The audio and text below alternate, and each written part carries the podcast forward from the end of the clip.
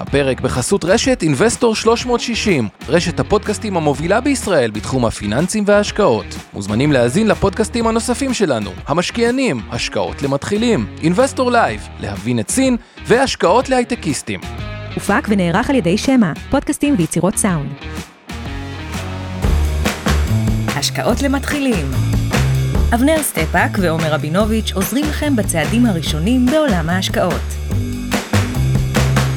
ערב טוב, עומר רבינוביץ'. ערב טוב, אבנר. קודם כל, אתה רוצה לתת כמה מילים? הגעתי קומה 21, עכשיו אנחנו ב-26, מלא ילדות או נשים. איזה ילדות בראש שלך? נשים, זה בגיל. של אשתך, מה אתה מדבר? את. אז תן גילאים, כן. אנחנו כאילו, עושים קורס שאני מעביר, שנקרא קבוצת נשים מהממת שנקראת משקיעות.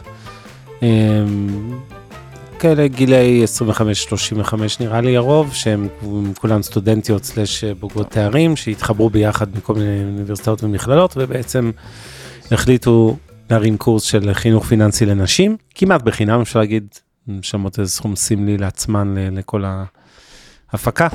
נשים מהוות בערך 15% מהמשקיעים בשוק ההון, למרות שהם 50 וקצת אחוז מהאוכלוסייה העולמית. Uh, האמת שזו קבוצה שמגיעה עם רובה עם איזשהו רקע בסיסי סביר, לא מתקדמות, אבל נקרא לזה סוג הקהל ששומע אותנו בפודקאסטים של שהיינו עושים של השקעות למתחילים. וחלקן גם באות עם אפס רקע, הרוב עברו משהו עם איזה קורס באוניברסיטה וכולי, וזהו, והם פשוט מלמדים את היסודות, ממש כיף. נראה אחלה, אחלה פרויקט, אחלה מיזם, כל הכבוד. כן. על מה אנחנו הולכים לדבר היום, אומר? סיכום עונת רבעון שלוש בדוחות הכספיים, ו... זה, זה המרכזי, תובנות מתוך הדוחות הכספיים רבעון שלוש, אה, שהיה אה, חשוב, סך הכל חיובי. אם אני מתחיל מהסוף להתחלה, הרבעון השלישי, עונת הדוחות הכספיים, צריך להדגיש בארצות הברית בעיקר, כי בארץ אנחנו עוד יחסית בהתחלה. אה, היא תסתיים אצלנו בסוף נובמבר, זה התאריך האחרון, סוף החודש, להגיש את הדוחות בישראל, אבל אנחנו באנו לדבר בעיקר על השוק האמריקאי הערב.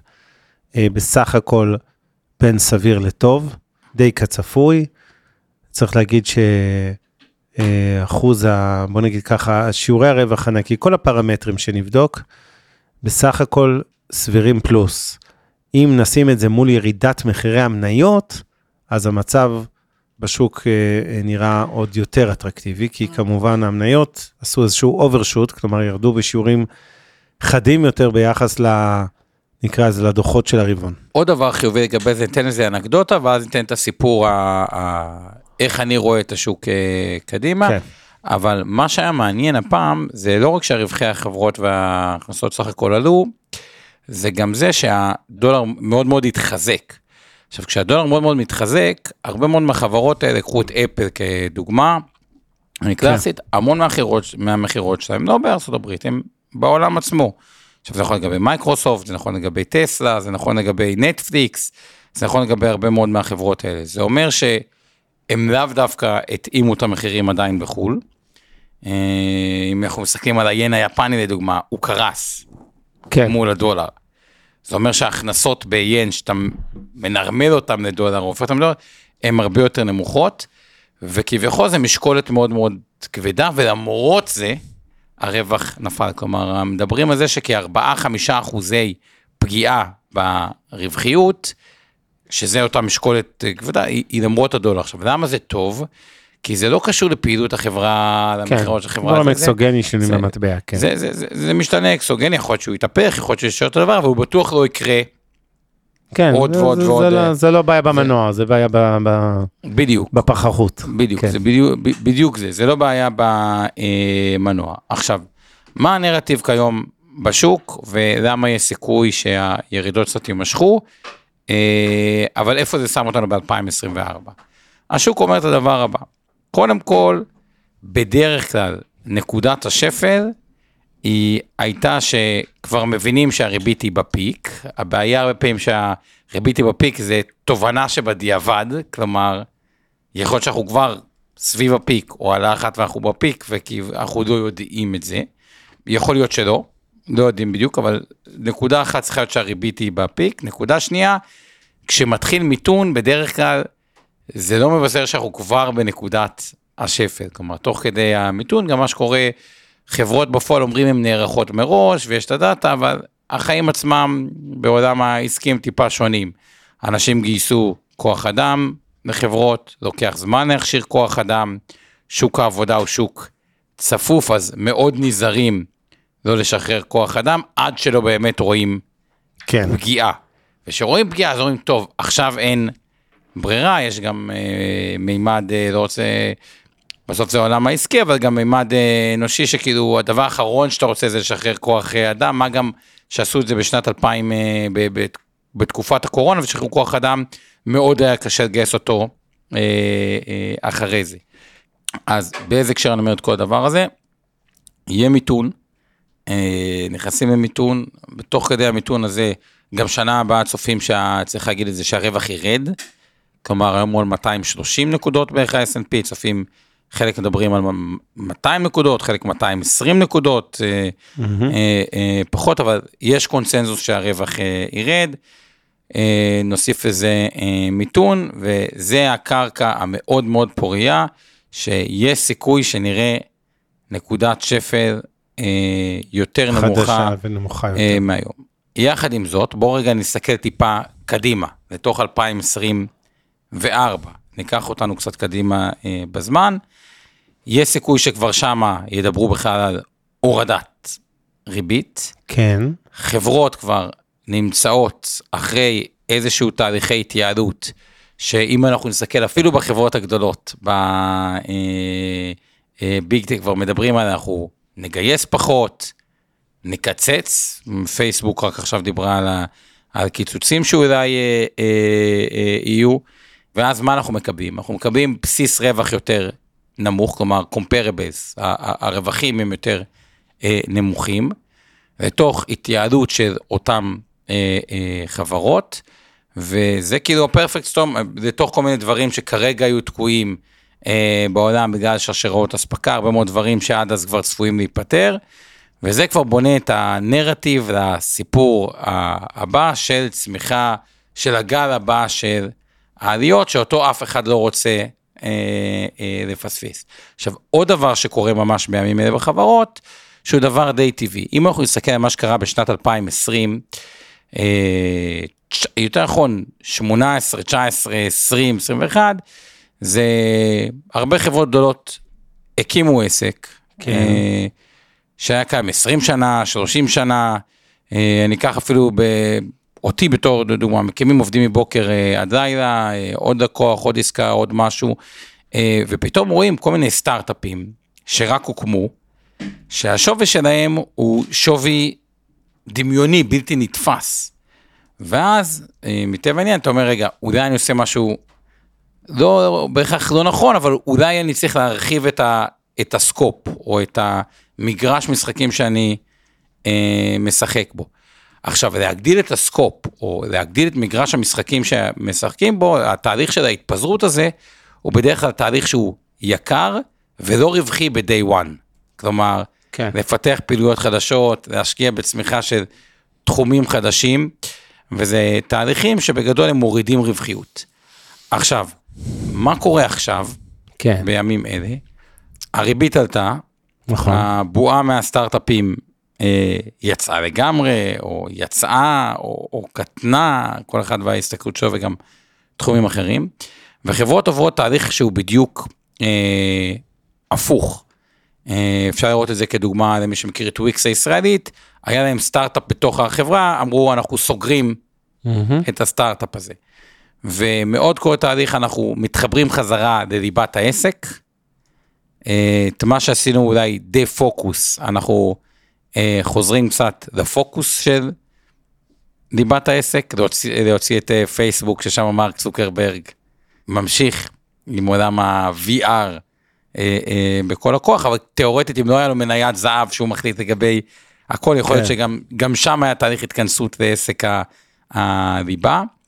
והתהליכים האלה בגדול הם אמורים לשפר את הרווחיות. למה? כי מקצצים משרות או עובדים בתחומים שהם הפסדיים או לא רווחיים, אה, חוזרים לשים את כל הפוקוס על ליבת העסק, על המטריצות התפעוליות. דוגמה קלאסית לזה נוספת, לא מעולם הטכנולוגיה, זה טבע. טבע עברה תהליך שהייתה לה, עשתה דה פוקוס, רכשה המון חברות וכו'. הגיע מנכ"ל עכשיו, שהוא כל השנים האחרונות, חוזר למטריציות התפעוליות, איך אני משפר רווחיות, מה שלא כן.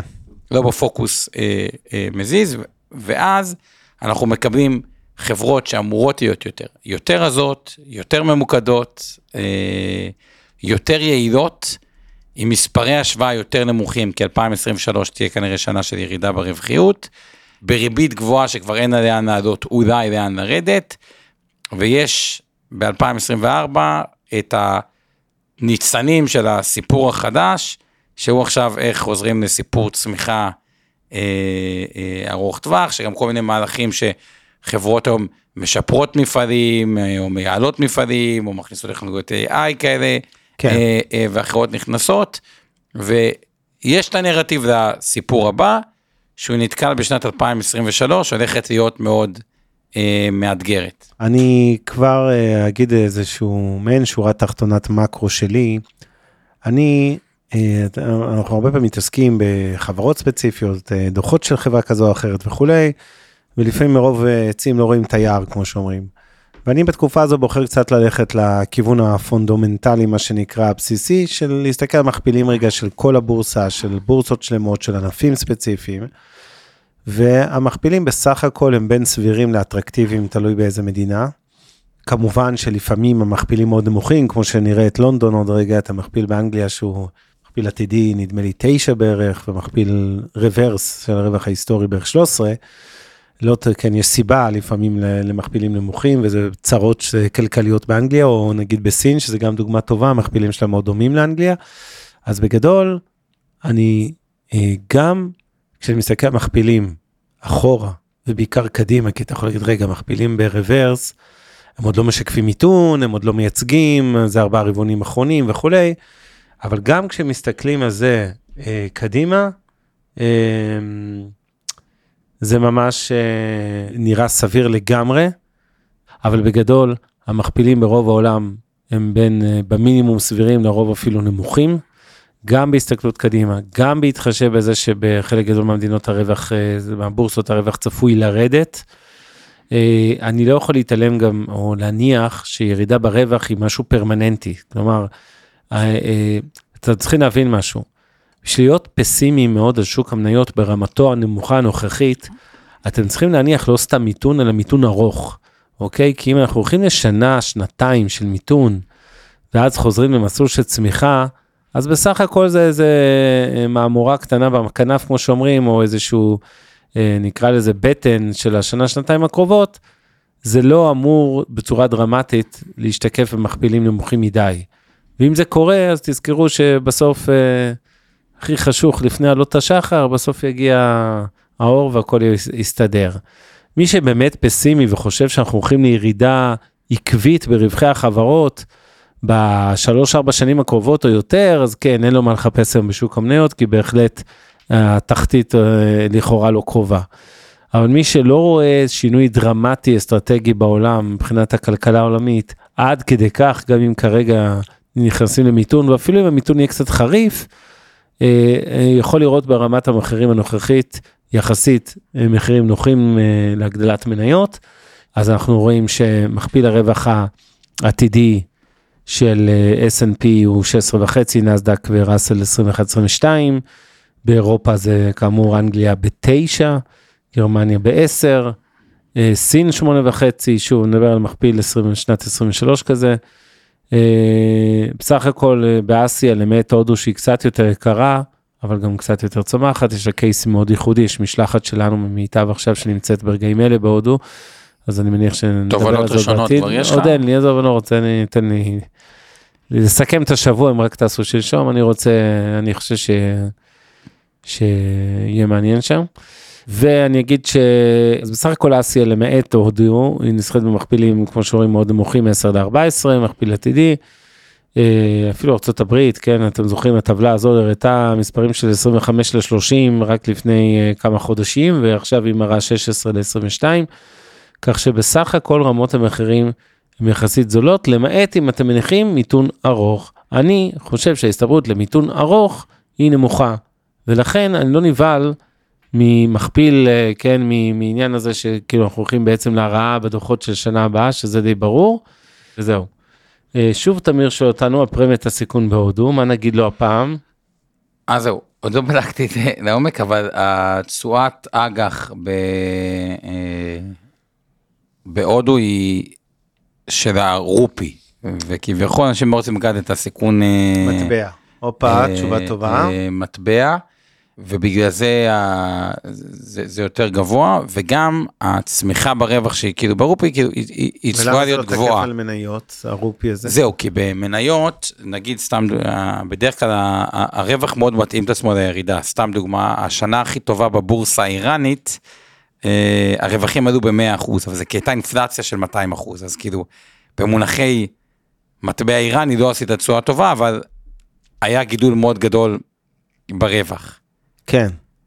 כלומר, בסוף, ה... אם מטבע נחלש, בדרך כלל רווחים מאוד מאוד עולים, כי המחירים עולים. אז יש פה איזשהו אה, אה, עיוות מסוים. אז בואו רגע לגבי ה... בואו נראה את הסביבה. אני מבין שצוחקים עלינו כבר עם הסיפור של הודו, אנחנו כבר ארבעה שבועות ברצף מבטיחים תשובה, והאמת הבאת תשובה לא רעה היום, אבל... לא, זה, זה, זה התשובה שכל הזמן אה, חשבתי, זה, זה גם הסיבה שהרבה פעמים אה, אג"ח ברזיל נסחרת בתשואות יותר גבוהות. אה, כן. טוב, אני אה, רוצה להתייחס. פה להערה חשובה של יואב אה, בן שושן בצ'אטים.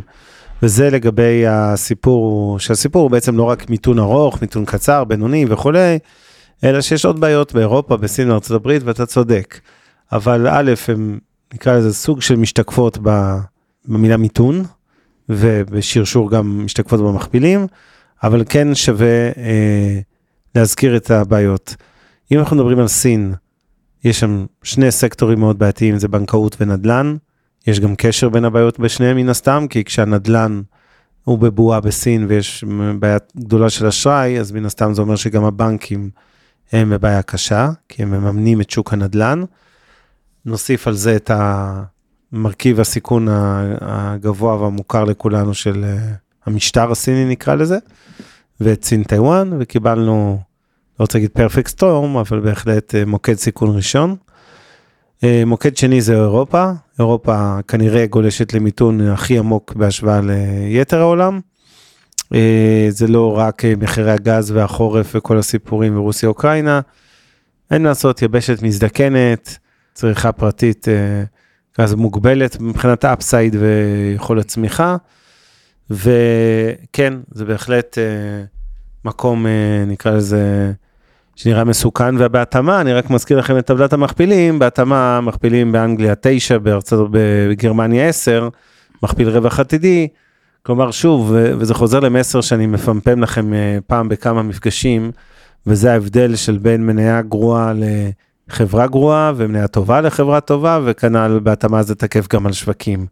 הרבה פעמים השוק מגיב במה שאנחנו קוראים overshooting, כלומר ירידת יתר ביחס לחדשות הרעות. זה תקף למניות ספציפיות וזה תקף גם לשוק שלם. כשאנחנו רואים מניה שקורסת ב-80% בזמן שהעסקים שלה נפגעו הרבה פחות, וגם ההיוון של מכפיל, ה- של רב- ה- תזרים המזומנים העתידי שלה שמושפע מן הסתם מעליית הריבית, כמו שראינו במניות הייטק רבות שקרסו, אז נניח שההצדקה האמיתית הריאלית הייתה לירידה של 30-40 אחוז, אבל מניה ירדה ב-80 אחוז. כלומר, מניה שהייתה ב-100 דולר נסחרת עכשיו ב-20. ומבחינת העסק, אתם אומרים, אוקיי, הייתה צריכה לרדת מ-100 ל-40, נגיד ב-60 אחוז, אבל המניה ירדה ב-80. אתם קניתם אותה ב-20 דולר, השווי הכלכלי נקרא לזה הוא לכאורה 40 דולר, כלומר על פניו, למרות שהחברה באמת במצב יותר טוב, המניה שלה פשוט ירדה יותר מדי, אז המניה יכולה להיות מניה טובה, למרות שהחברה על הפרצוף. ויש כמובן את המצבים ההפוכים, בדרך כלל בתקופות גאות, שמניות עושות אוברשוט למעלה. שכל החדשות הכי אופטימיות שאפשר לדמיין על החברה, נגיד חברת נדל"ן, הן כבר מגולמות במחירים, ואתם אומרים, היא כבר נסחרת בכזאת פרמיה, שלא הגיוני לקנות אותה, ואז למרות שהחברה היא טובה מבחינת הרווחיות שלה וכולי, והצמיחה, המניה שלה על הפרצוף.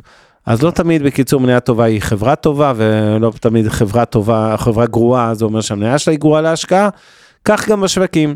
אם אנחנו מסתכלים רגע ברמת אה, בורסות העיקריות של אירופה, ארה"ב, סין, ישראל, אה, או ישראל אני מכניס רק כי מעניינת את רובנו באופן טבעי, אה, אז כן, לפעמים כל הצרות השליליות האלה, וזה לדעתי המצב קצת בסין ובאירופה, כבר מגולמות, ולא סתם המכפילים הגיעו להיות ברמה חד ספרתית כזאת.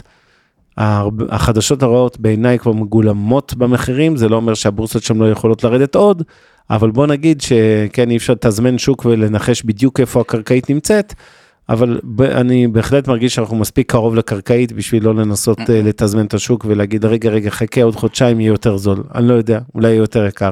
ברגע שהשווקים יפנימו, יבינו, יסכימו שאנחנו לא הולכים למיתון ארוך, אז אה, הבורסה, אני מזכיר לכולכם, היא אינדיקטור מקדים, מה שנקרא, היא לפני המשק והכלכלה. זאת אומרת, היא בעצם מנסה לחזות מה יקרה במשק הכלכלה בשנה הבאה וכולי. ולכן, מאחר והבורסה משקפת או מגלמת ציפיות עתידיות, אם יש שינוי, וכרגע העולם צופה עתיד שחור, אם יש שינוי והשחור הזה יהפוך להיות אפור כהה, שלא לומר אפור בהיר או לבן, המניות יכולות אה, לתקן משמעותית למעלה, בעיקר בשווקים שהם נחתכו דרמטית. אז, אז בואו נעשה רגע סיכום ביניים רגע מבחינת באמת החברות. כ-85% מהחברות דיווחו. בואו נראה מה היה לנו. בשורת ההכנסות, 70 אחוז דיווחו מעל התחזית, 5 אחוז בערך כמו התחזית, ו-25 אחוזים, ו-25 אחוזים מתחת. אפשר להגיד כמה זה יחסית ממוצעים בשנתיים, אבל זה מראה שהתחזיות היו, אה, עמדו בתחזיות, גם שאני מזכיר, מכפיל רווח עתידי הוא בהתבסס על התחזיות, כן. ועמדו בהם, כי הרבה אומרים לי, רגע, איך אני יכול לסמוך על המכפיל נכון. רווח העתידי? אתה יכול, כי עובדה ש-70 אחוז כן. מהחברות עשו אפילו מעל מה שמצפים. אז זה בשורת ה... זו תשובה מצוינת לשאלה מצוינת שאני אשאל כל הזמן, תגיד, מה מעניין המכפיל העתידי? כשהעולם הזה גולש לכאורה למיתון. אז אני מזכיר שוב, אם אתם מניחים מיתון של שנה-שנתיים, אז עם כל הכבוד, אפשר להסתמך על המכפיל העתידי הזה ולא להיבהל ממנו. לא, אבל בתוך המכפיל העתידי גם שהיה עכשיו, שורה תחתונה 70 אחוז הכו. בשורת ההכנסות, 71 אה, אחוז מהחברות הכו את התחזית. מה כן היה לנו? אומרים הגיידנס, התחזית קדימה. הגיידנס זה בעצם ה... הנחיה במרכאות שהחברות, ראשי החברות, נותנים לשוק, אוקיי? נכון. במצגות לאנליסטים, במפגשי משקיעים, בעצם אה, מנכ"ל, CFO וכולי, באים ואומרים לשוק, אנחנו מצפים ששנה הבאה נמכור בין מיליארד למיליארד 07, נרוויח בין 125 אה, ל-133 מיליון דולר. זאת אומרת, החברות נותנות הרבה פעמים תחזיות שזה אותו guidance. אז פה 66 אחוזים, מה, 68 אחוז מהחברות הביאו guidance שלילי. כן. כלומר, שזה לא מעט, ורק 32 guidance אה, חיובי, אה, זאת אומרת, ש... רק נגיד שלילי וחיובי זה מתייחס בהשוואה ל-21, כלומר ש-22, 68 אחוז אומרים תכלס, ששנה הבאה תהיה שנה גרועה יותר מהשנה הזו מבחינת רווחיות, ובערך שליש. אה, נכון, ב materials 100 אחוז מהחברות. נגיד דיווחו את זה, ומצד שני... מטריה זה חברות החומרים שתלוי במחירי הסחורות, וזה כמובן טבעי, כי ברגע שה... בריל אסטייט אחוז מאוד מאוד גבוה, אבל אני רק רוצה להזכיר משהו הופכי. אם החומרים הולכים לפספס, כי המחירים שלהם יורדים, זה אומר שגם תיאורטית האינפלציה צריכה לרדת. אם הנדל"ן יורד, אז האינפלציה יורדת גם. יורדת אה, גם, למרות שפה זה קצת מעוות, כי אינפלציה בעיקר על שכירויות ופחות על המחירי כן, עזוב את זה, כן. אה, נדל"ן, אבל עדיין אה, מהבחינה הזאתי זה אינדיקטור די טוב. אז כביכול עומדים במה שאומרים, אבל כל פעם אומרים, כמו בשיר של כוורת עם סיפורי פוגי, אני לא יודע אם אתה מכיר אותו, שהוא אומר על התחתית, ותמיד יש עוד תחתית, ברח לי איך... השיר הזה בדיוק... אני אה, בטוח שיעזרו לנו בצ'אט. אה, הולך, אבל מי אה, שמכיר ככה את ה... סיפורי פוגי זה לא הצד שלי, כן. אני חושב שזה זה. אז כל פעם אומרים, המצב גרוע, אבל ב guidance אומרים כאילו טיפה, גם מטעמי שמרנות, שיהיה קצת יותר גרוע, ואז המציאות היא יותר טובה מה guidance. כאילו, יש פה איזשהו משהו, איזה לופ כזה. מנמיכים ציפיות ועוקפים אותם, מנמיכים ציפיות ועוקפים אותם. וצריך לזכור עוד דבר אחד, שכביכול אני רואה את ה... את השוק. יש שני דברים שמאפיינים את השוק היום. רמות מזומן יחסית גבוהות, הרבה מאוד כסף שיושב אה, על קאש, והרבה מאוד חברות שעדיין מהמרים כנגדם בשורטים, למרות הירידות. שתי דוגמאות אולי אה, שאני יכול אה, לתת שהן אה, יחסית ככה אה, מייצגות. ניקח אפילו חברה אה, שיותר מעניין, ניקח אפילו חברות אה, ישראליות אה, מחו"ל.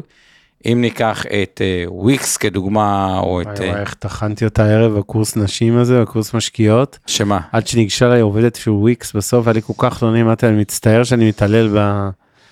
בסיפור הזה, במניה שלך, אבל כן.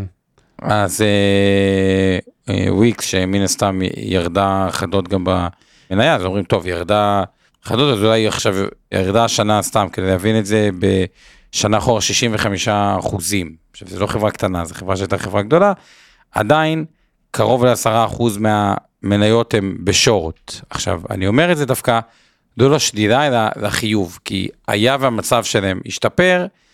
יש פה ביקוש כבוש, כאילו אנשים שחייבים לקנות. short squeeze מה אה. שאנחנו קוראים, התופעה הזאת של השורטיסטים שחייבים להתכסות חזרה ולקנות את המניה בבורסה.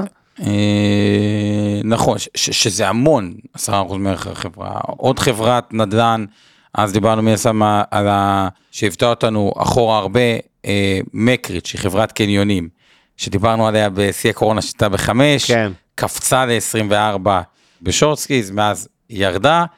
עכשיו 7.6% מהחברה היא עדיין בשורט, אבל עדיין הדוחות של הסך הכל היו אה, טובים והיא ב-11, כלומר בסוף צריך להתכסות על השורטים האלה. ואם נלך לדוגמאות עם חברות אה, עוד יותר ניקח קצה עם אחוזים יותר גבוהים, ניקח את למונייד אה, כדוגמה, חברה שירדה המון, 73 אחוזים, ועדיין 25 אחוזים מהחברה מהמרים עליה כשורט. מה זה אומר? או שבאמת החברה יהיה עסק גרוע ותפשוט רגל ואז השורטיסטים יעשו כסף. אפשרות אגב שהיא קיימת ואגב כל תחום האינשורטק יש עליו ביקורת שלפחות שאני שמעתי אומרים רגע יש חברות ביטוח עם דאטה של 100 שנה יש להם את הדאטה זה לא שחברה חדשה באה ועל בסיס הדאטה הוא יותר טוב ושורה תחתונה שורפים כסף אבל היה ומשהו משתפר 25% מהמניות צריכות להיקנות בחזרה וזה ביקוש אדיר. אז השילוב הזה של הרבה מזומן, מכפילים יותר נמוכים ולא מעט אה, אה, שורטיסטים הוא שילוב שהוא חבית אה, חומר נפץ אה, הפוכה, כלומר יכולה להיות כלפי אה, מעלה וזה משחק, כי מי שעם קאש כנראה הוא מחפש אינדיקטורים לתחתית שאין אותם עדיין, כלומר הוא לא כוח שבטווח המאוד קצר צפוי להיכנס, הוא יושב על הגדר. ואני נורא אוהב את הדוגמה שאבנר אומר גם ב-2008, טוב, יש כל כך הרבה נזילות, הפנסיות נכנסים כל כך הרבה כספים, איך ירד, אמרו את זה גם ב-2008, ועובדה שהגיע משבר, ועובדה שירד, אבל יש כסף במזומן, מי שמזומן בדרך כלל מחכה, מי שבפנים, ככל שאין איזה שינוי או סתם אפקט הזמן שהוא נשאר, יש כאלה שנוטים להישבר. כן. אה, וזה מה שמוביל. יש עוד כמה דברים שהם כתבות לא חיוביות, שלדעתי יצוצו יותר ויותר, וגם דוגמה שנתנו לא מעט פעמים, על ההבדל, אה, לדעתי דוגמה מרתקת, נתתי אותה הרבה מאוד שנים, שלפעמים יותר סולידי להיות ממונף בעצמכם בתוך נכס פחות מסוכן, והבאתי את הדוגמה בין עזריאלי לבין גזית גלוב, שהיא חברה יותר ממונפת או נוסטר, ובאמת רואים בחברות הממונפות האלה, אם נסתכל על האג"חים של, אה, של גזית, של גזית גלוב, היא כבר לא נקראת אה, גזית גלוב, היא נקראת... אה, G City, אני כל אה, הזמן כן, כן, כן. אה, G City ויש את הנורסטר וזה, אז כבר רואים תשואות דו ספרתיות, וזה ילך ויקרה בעוד כל מיני חברות. עכשיו, עד עכשיו מה שראינו זה ירידות על רקע חששות אמורפיים, או כל מיני כתבות אה, Doctor Doom כזה יהיה יותר גרוע מ-1929, אבל זה יתחיל להתבטא ביותר כתבות כאלה, רק על בסיס כמה כן. חברות שנופלות או דברים כאלה, שזה משהו שהרבה פעמים לידיים הבינוניות, אה, גורם להם להישבר וגם לצאת, וזה כן קרקע שיכולה להוביל לעוד אה, ירידה בשווקים, חזרה אליך. אז אה, קודם כל, כמו שדני אה, מזכיר בצ'אט שלנו, יש גם חלק מהחברות האלה שפשוט יפשטו רגל, כן, גם זה יקרה בתקופות מיתון, לא כולן אה, ישרדו נכון, את הגל נכון, הזה. חד משמעי. וזה אגב חלק מהאבולוציה הבריאה, נקרא לזה, של שוק מניות ושל כלכלה עולמית, שמדי פעם, אה, כן, השוק גם יודע לתקן ולרעה ובמירכאות ולרדת ולסגור חברות שאין להן באמת אה, זכות קיום. לגבי אה, הערה אחרת של אסנת כהן, שהיא הערה שחוזרת לא מעט בתקופות של ירידות, וזה שהגופים הגדולים שיושבים במזומן לא יוכלו להישאר שם לנצח. לאן אתם חושבים שהכסף הגדול ילך בתקופה של מיתון? אז אני רוצה להגיד ככה, אם התכוונת גופים המוסדיים, אז אנחנו המוסדיים אכן יושבים הרבה מאוד מזומן וכסף, וגם צוברים כל הזמן כי, כי אנשים מכניסים כסף כל חודש לפנסיות שלהם, אבל באמת, באמת, שלא זה הבעיה ולא זה ה... זאת אומרת, כשאנחנו מסתכלים על השוק בתל אביב, אה, בוא נגיד ככה, יש בו כמה שחקנים, יש משקיעים פרטיים, יש משקיעים זרים, ויש את המוסדיים שהם חלק גדול, ויש תאגידים, נקרא לזה חברות שמשקיעות את הנוסו שלהם. אם אנחנו נסתכל על נושא הנזילות, כשהיה תמיד טיעון אה, למה המניות לא יכולות לרדת, הרי יש כאלה הפקדות אדירות לקרנות הפנסיה, השתלמות, הגמל וכולי, אה, אז המציאות היא שנזילות זה דבר שמתאדה ככה בשנייה. וזה שאנחנו צוברים כספים כי אה, לקוחות מפקידים בקרנות הפנסיה שלהם, לא אומר שאנחנו רצים להשקיע אותם בכל מחיר, ויש הרבה פעמים מוסדים שעוצרים ואומרים, רגע, השוק הזה צונח מהר מדי, לא בריא, לא יודע מה, אני לא רוצה להתחיל לקנות עדיין נגד המגמה אה, וכולי. אה, אז כן, משאירים אותם כרגע, זה לא צריך לנצח, זה ברמה של לפעמים שבועות או חודשים, שכסף חדש שגייסת לא יהיה מושקע. שוב, תלוי במוצר וכולי, אבל בגדול זה בהחלט איזשהו אה, כן, אה, גם, סיכון, אבל... גם, כן. גם צריך לזכור שהמחיר אצל המוסדי עודף נזילות, הוא פחות מהסיכון של כאילו היעדר נזילות מוחלטת, כי הדבר הכי גרוע בעולם, הוא שבכסף גדול הוא חייב להתחיל... לקנות. כן. אה, לא, למכור פוזיציות, כי כאילו... כן. פוזיציות, כי, כי אז מה שאנחנו מקיימים את מה שקראנו ב-2000... בקורונה, כאילו meltdown טוטאלי, כאילו כל מיני ניירות שיורדות, כן. כאילו אני מזכיר, הדוגמה הכי טובה זה דלק קבוצה אה, שהייתה בבעיות, אבל היה מכירה כפויה שלהם ונמכרו ב, ב, באמת בנזיד עדשים, ברמה של כאילו 10 אגורות, משהו שבסוף החזיר שקל. כן.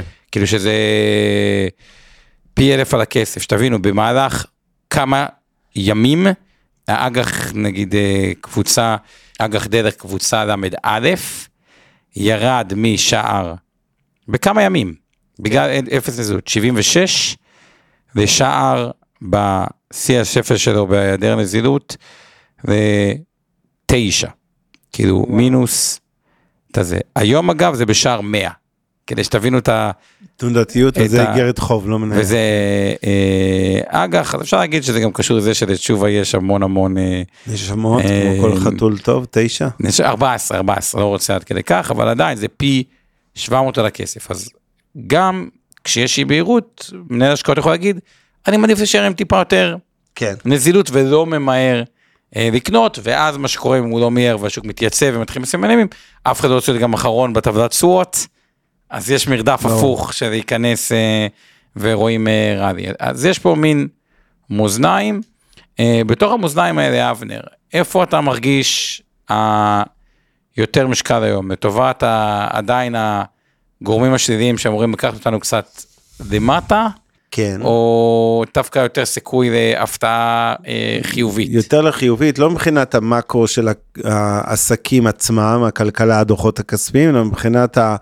ה-level של הפיננסים, אוקיי? זאת אומרת, זה בדיוק הדוגמה שאמרתי, מניה גרועה, חברה גרועה, החברה או המשקים הם כאילו מצב לא טוב, מיתון וכולי, עלים ולהערכתי יחסית קצר שמחכה, ומצד שני, המניות כבר מגלמות תרחישים, אתה יודע, מאוד שליליים, שבעצם, אני חושב שבשורה התחתונה, השווקים בהחלט הפכו להיות אטרקטיביים.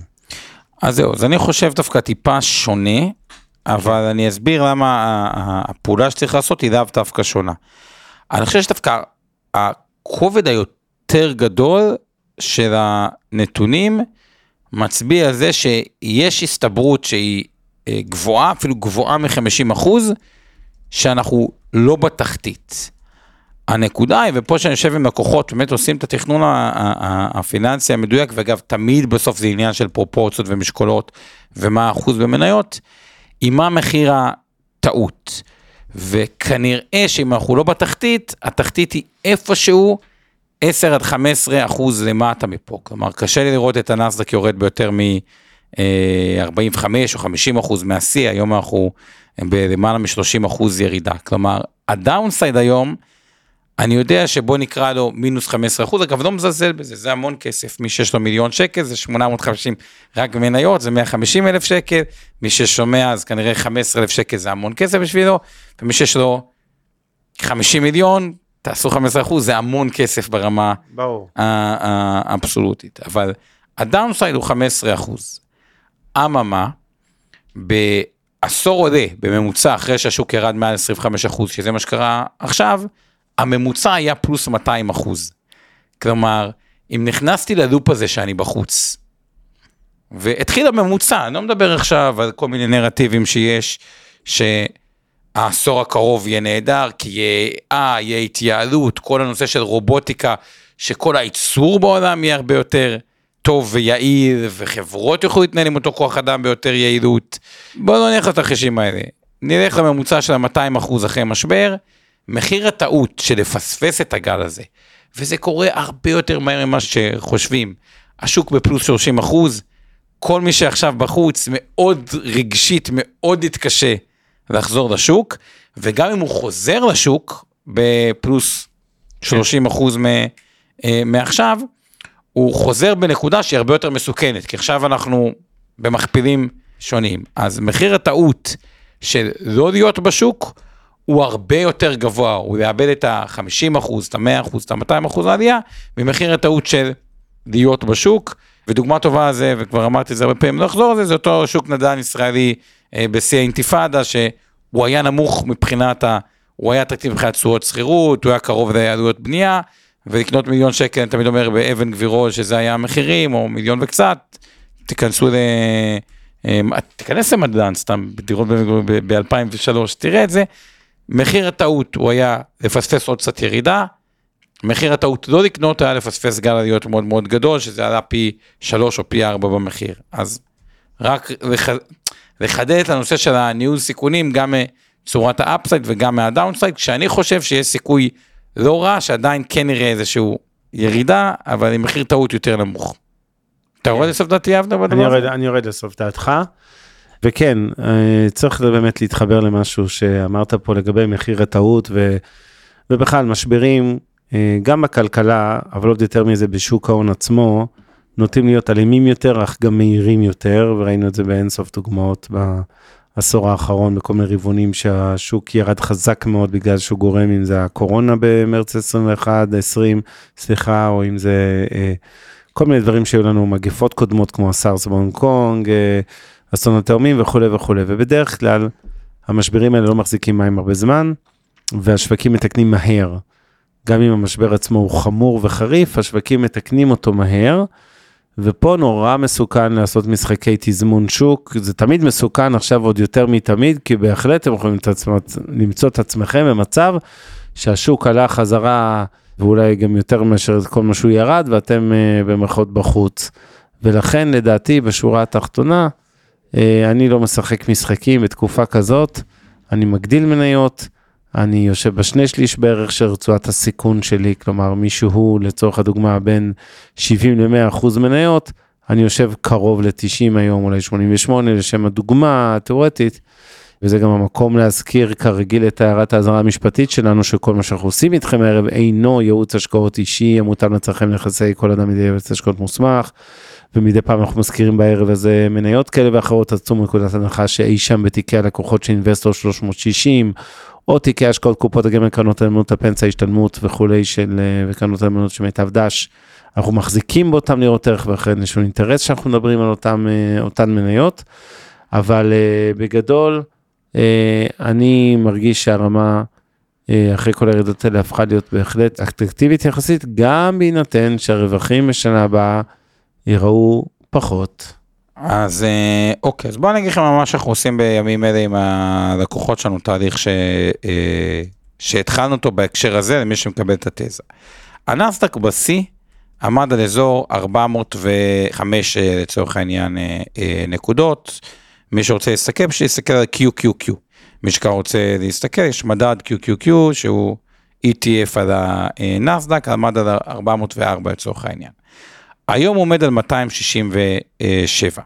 בואו נראה באחוזים כמה זה אה, בירידה, אנחנו מדברים על ירידה באחוזים של, אה, ניקח 267, נחלק 403, אה, של 34 אחוזים מהשיא. מה שאנחנו אומרים להם, בסופו של דבר יש לכם את הכסף הנזיל שלכם ואת המסלקה הפנסיונית ש... שלכם סלש בן בת הזוג, שמופיע שם מלא שורות, שברוב השורות שם מופיע מסלול כללי, סטטיסטית, כי שם יושב רוב הציבור בארץ, אה, ואבנר הזכיר את רצועת הסיכון עם השני שליש שלו. מה שאנחנו אומרים את הדבר הבא, בדרך כלל, זה מה שקורה, מי שנמצא בשיא החשיפה שלו, לתפיסתי, קודם כל, יכול להיות שהוא יורד ירידות, אבל ברמה הפסואיטית עושה מי שכבר עכשיו הופך, אני מקצין את זה, ל-100% מניות את כל התיק, יש הסתברות לא רעה שבשורט טיים הוא פספס נקודת כניסה יותר טובה, הסתברות של כ-50% לדעתי, אה, או אפילו למעלה מ-50%, כי יכול להיות שעוד קצת ירידה, אבל ברמה האבסולוטית הוא עשה עסקה טובה. כי אני חושב שבמחירים האלה מי שקונה ברמה האבסולוטית, בהסתכלות קצת יותר ארוכה, עשה עסקה מאוד מאוד אה, טובה. מי שבכל זאת רוצה למקסם, והרבה מהלקוחות שלנו לא יושבים בחשיפה המלאה המנתית שלהם, הרבה מסלול הכללי, אה, או יש עדיין קצת יתרות בצד, או סתם חוזר להם השקעה אלטרנטיבית, עסקת נדל"ן כזו או אחרת, שבדיוק חוזרת, או שמכרו נכס, ואנחנו אומרים את הדבר הבא. אם השוק יורד עוד כעשרה אחוזים, הנסדק, כלומר, אה, שזה כבר יהיה 45 אחוזים, לצורך העניין, לכיוון ה-220 נקודות, זאת נקודה שבה לפחות אנחנו חושבים, אחרי 45 אחוזים ירידה בנסדק, תכף אני אראה את אותו תרגיל על ה-S&P, פשוט להיות ב, בתוך הרצועה שאבנר אומר, לתפיסתנו זה נקודה של מינוס 45 אחוז מהשיא בנסדק, במקסימום סיכון, בהכי גבוה שאתם מרשים לעצמכם, משה, מבחינת ניהול הסיכונים, ואז פשוט לחכות אה, ולקוות אה, להתפתחויות טובות, וככה תוך כדי העליות, מן הסתם אפשר אולי לחזור ולמצע וטיפה להקטין את הסיכון. אבל ברגע שהנסדק, אם אני לוקח את המספרים על ה-S&P, כי בסוף S&P הוא מדד יותר גדול מהנסדק, מישהו שרוצה להסתכל ככה אחרי זה בבית או במחשב, יכול להיכנס אה, לתעודת הספיי. אה, ספיי ב-2022 עמד על בערך 477 נקודות, בואו בוא נגיע את זה ל-480 נקודות, היום אנחנו עומדים על 380 נקודות, כלומר אם אנחנו נעשה את אותו תרגיל מתמטי שהראיתי על, על הנסדק, אז אנחנו ניקח 380, אנחנו נחלק אותו ב-480, ואנחנו נקבל ירידה של כ-21 אחוז, אגב היינו כבר ביותר מזה. ב-25 אחוזי ירידות, כלומר מאז התחתית, מאז אה, אה, קצת עלינו. עם ה-S&P, שהוא מדד יותר גדול, שהוא גם מייצג הרבה חברות שהן בכלל נפגעו מהמשבר, אפילו הרוויחו מהמשבר, דוגמת אה, חברות הנפט, כלומר מחירי הנפט עלו, אז יש גם דברים עם משקולת הרבה, שהשפיע הרבה יותר לרעה. לתפיסתי, מדד ה-S&P, שהוא המדד המייצג ביותר בעולם, בשנייה שהוא במינוס 30 אחוז, זה הרגע, כלומר מינוס 9 אה, אחוזים מהיום, אה, זה אותו דבר, אפשר, אחד יגיד 30 אחוז, כשאני אומר 30 אחוז, לא צריך לקחת איזה מדע מדויק, אחד יכול להחליט שזה 31, 32, אבל המסר הוא ברור, כשהמדד הוא מתחת ל-30 אחוז, זה נקודה שאם בתוך רצועת הסיכון, תיקחו את המקסימום סיכון, כלומר, תיאורטית להעביר את כל הכללי למנייתי, או כל כסף שהשארתם פנוי לטובת ניסוי הזדמנויות במנייתי, כנראה שמבחינת אופטימום זה תהיה נקודה מאוד מאוד מאוד נכונה להיות, כי זה נקודה שבה הדאונסייד הוא כבר מאוד מאוד מוגבל. עכשיו יש עוד שני גורמים של ביקושים כבושים, שלא משנה מה קורה, כן. קונים מניות. כלומר, בניגוד לקרנות פנסיה ודברים כאלה, חברות שמייצרות. בייבקים. והדוגמה הקלאסית ביותר, שממש עשיתי איזה סרטון באחד הקורסים, שה- אה, אה, הקורסים על מניות, היא מניית מקדונלדס. מניית מקדונלדס היה הרבה זמן סביב הסרטון על אה, הבן אדם שאכל מלא מקדונלדס או חי ממקדונלדס כדי להוכיח לעולם ש... שאפשר למות בגיל צעיר, מה? שאפשר למות אה, בגיל אה, צעיר, אני ממש זוכר את זה. אנחנו מדברים על שנת 2012, זה היה לפני עשור. נסחרה ב... אה, 85 דולרים. היום אגב, להבין, אה, היא, היא נסחרת ב-278. למה אני אומר את זה? כשהיא נסחרה ב-85 דולרים, היא יצרה תזרים של איזה 8 או 9 אחוזים משווי החברה. בואו נראה איך זה מתבטא כדי לשים את הדברים על אה, מספרים. היא הייתה, אה, היא ייצרה תזרים של, כאילו ה-operating income שלה, של 8 מיליארד דולר, כן. אה, והיא הייתה שווה כ... לדעתי כ-90 מיליארד דולר. אז זה קצת מספרים, אבל תזכור, היום שווה 202 והייתה בזה. הייתה- היא- בוא נניח לצורך העניין 80 על 80. כן. אז מה היא פשוט עשתה עם כל הרווח? קנתה מניות של עצמה. עכשיו, לקנות מניות של עצמך, זה פשוט, בוא נחזור ל basic של ה basic של ה basic של הקורס כן. הראשון של השקעות מתחילים, זה ביקוש. בסוף נכון. בורסה זה ביקוש והיצע. זה אומר שגם מי שרוצה, יש מישהו שקונה. עכשיו, חברות בדרך כלל שיש להן תזרים גבוה, ולתפיסתם ערך המניה הזול, קונות מניות. כן. עכשיו, יש עוד כמה גופים שעושים את זה, קרן העושר, שניקח את זה, של נורבגיה, שמנהלת המון כסף מנפט שכל פעם רק מצטבר וזה, היא לא גוף שימכור מניות בירידות, היא גוף שרק ברור. יקנה ונכנס. כלומר, יש הרבה גורמים שבלי קשר לכלום, יש שם איזשהו ביקוש אה, קשיח למניות, כולל התזרים עצמו של אה, מניות, חברה שנסחרת בזול, פשוט רוכשת מניות. ולכן, כשהגענו לנקודות האלה, מינוס 45% בטכנולוגיה, אוקיי, טכנולוגיה יותר מוטת צמיחה, מינוס 30% ב- ב-S&P, זה נקודת המקסימום. עכשיו, בעולם ההשקעות האלה, עכשיו, למה אני מעריך על זה כל כך הרבה, אה, וגם זה לא פעם ראשונה שאתם שומעים אותי אומר את זה. בשביל לעשות, לנהל את החיים שלנו, שהם ארוכים בעולם ההשקעות, לא צריך הרבה החלטות נכונות, אבל צריך במהלך עשור, שתיים, שלוש, שלוש כן, החלטות. נכונות.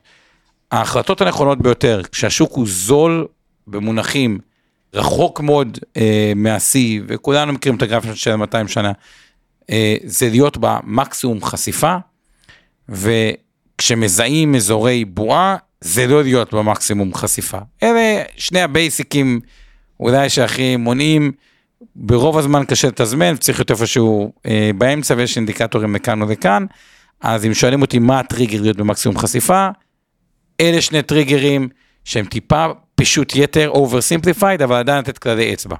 אוקיי, אז אני רוצה לקראת סיום רק אה, לענות ל- או להתייחס להערות ושאלות אה, שעלו לנו בצ'אט מהקהל. אה, קודם כל יואב מזכיר שיש, דיברנו קודם על הצהרות של סין, לא מספיק דיברנו על הצהרות של אירופה וארצות הברית, אז אירופה שוב דומה לסין קצת, נדל"ן, אה, לא, לא נדל"ן במובן של בועה, אבל אה, אה, מערכת הבנקאות בעיקר בעייתית, אבל היא מושפעת גם ממינוף גבוה בנדל"ן. שתיים, וכמובן יבשת לא צומחת, שלוש ארצות הברית, שבעצמה עם כל הגירעונות וכל הצרות, לא עסק במצב אידיאלי המכונית המשומשת הזאת. ויש את הסנקציות שביידן הטיל עכשיו, זאת אומרת יש הרבה דברים שמעבר למיתון שדיברנו עליו בחצי הראשון של המשדר, אה, גורמי סיכון נקרא לזה של אירופה, הברית ומסתבר גם אסיה. אה, דני מזכיר את המטבעות הדיגיטליים שנשחטים היום, מה שאין לו בסיס סופו הכלכלי למות. דני, אני אגיד לך בתור אה, מי שהוא דווקא בדרך כלל כן בצד הכלכלי, אני חלוק עליך, אני חושב שהביטקוין ממש לא מת, וזה שהוא יורד היום בעשרה אחוזים בערך, רק הופך אותו יותר אטרקטיבי בעיניי ולא הפוך, אבל בסדר. לגבי ההערה שלך דני על אה, צריך להיות במניות מאוד סלקטיבי, יש חברות טובות במחיר טוב לקנייה וחברות גרועות שעוד ירדו הרבה עד לפשיטת רגל, כן. אז דיברתי קודם מניה טובה, חברה טובה והפוך, מניה גרועה, חברה גרועה, יש גם מצבים שהמניה גרועה שהחברה גרועה, ובוא נגיד המניה ירדה דווקא פחות ממה שהייתה צריכה לרדת, כלומר היא, המניה אפילו ירדה 40 אחוז, העסקים נפגעו משמעותית והמניה שווה הרבה פחות. תמיד יהיו כאלה גם. עוד דבר אחד בהקשר הזה של כאילו סלקטיביות, הרבה פעמים אנשים, והאמת זה טעות שכולם חוטאים בה, גם אני חטאתי בה. כן. הרבה יותר קל למכור מניה ברווח מאשר מניה בהפסד. עכשיו אני רוצה, הבאנו תמיד את הדוגמה של גוגל ויאו, אבל עוד דווקא דוגמה מהעולם הפיננסי שהייתה בכותרות. נלך עשר שנים אחורה וניקח את קרדיט סוויס. קרדיט סוויס היא כמו הרבה בנקאות אירופאית, זה חברות עם פחות מודל עסקי, מה לעשות, ריבית אפס, אה, יבשת לא כל כך... לא ריבית אפס, אבל כן. אה, אה, כאילו היה ריבית יבשת לא כל כך צומח, צומחת עם מרווחי אשראי יחסית אה, נמוכים, במהלך העשור הזה נתנה מינוס 81 אחוז תשואה בשיטת הצפרדע במים החמים, שכל פעם יש ירידה יותר אה, אה, במחיר המניה. בנק אוף אמריקה, פלוס 306 אחוז באותו... אה, תקופה, כן. באותה תקופה, כלומר כביכול, שוב זה קצת over, כלומר הרבה פעמים רק הדבר, המנוע שעובד, איך אני אסביר את זה ככל שיותר, מנוע שעובד, עסק שעובד טוב, אין סיבה שהוא לא ימשיך לעבוד טוב עד שרואים את הסיבה. כן. ומנוע מקולקל, אין סיבה שהוא יתוקן עד שלא רואים את זה במספרים. ובדרך כלל מה שקורה חברות עם מנוע טוב, הן עודות ועודות, וחברות עם מנוע גרוע הן קצת יורדות. כן. ומה שקורה, אנחנו מוכרים את המנוע הטוב, נשארים עם המנוע הפחות טוב. זה מה שקורה לרוב המשקיעים, שזה עוד טעות שאולי שווה היה להתעכב על זה עוד אה, כן, דקה. אז הערה חשובה מאוד שחן אמרה, אני מנהל השקעות ותיק ובכיר במיטב, שמתעסק במניות בחו"ל, שכותב לי שכדאי לשים לב שקיימת חשיבות אה, לראות שהדולר אה, ירד, כי אז בעצם נראה שיפור אה, ביצואנים האמריקאים, כן, בעיקר חברות הטכנולוגיה האמריקאיות הגדולות, ויחד איתו כל השווקים המתפתחים באירופה. אה, אנחנו נראה בעצם משפרים את הרווחיות אה, התפעולית. אם וגם הדולר את ירד. הרווח הנקי, כן. כן, מצד שני, נראה על פניו זה שה- הסל מטבעות מול הדולר. שהאמריקאים שנקרא. הם, אה, למרות שזה משתנה וקשה לדעת, אבל הם, הם, הם כן מוכיחים שהם אחראים, כלומר בניגוד כאילו, יש אינפלציה מעלים ריבית, כל השאר האירופאים מגמגמים כזה, ולא יודע, כאילו כן. על פניו לא, לא בטוח שנראה את הדולר קורס מול כל סל המטבעות, אבל כמובן שאם זה יקרה זה בוסט אדיר למניות האמריקאיות. אני מסכים. תמיר מזכיר שארצות הברית מתחילה ללחוץ על ז'לנסקי לגשש פשרה עם רוסיה נכון.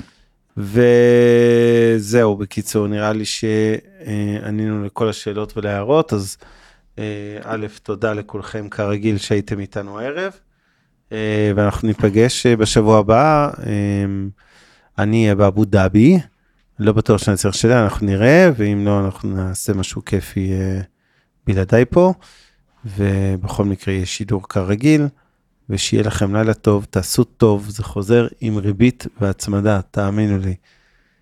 לילה טוב אומר? לילה טוב לכולם. סתם, יהיה מעניין, אה, נטפליקס דוח טוב, אה, יהיה מעניין לראות גם את אה, דיסני, מה קורה כן. שם, עוד לא פרסמה, ומכל ה Big Tech אפל רק צריך להגיד יחסית לחיוב. ואוקיי, נמשיך. נמשיך בשבוע הבא, תודה לכולכם שאתם איתנו תמיד, לילה טוב של הטובים. ביי לכולם.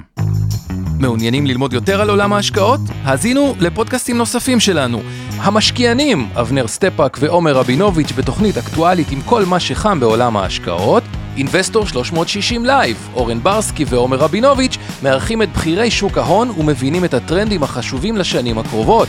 להבין סין עם יובל ויינרב, עם כל מה שרציתם לדעת על הענקית מהמזרח. השקעות להייטקיסטים עם צח איציק, שיבנה איתכם תוכנית כלכלית להגשמת החלומות שלכם, והפודקאסט ההשקעות למתחילים, לכל מי שעושה את צעדיו הראשונים בעולם ההשקעות.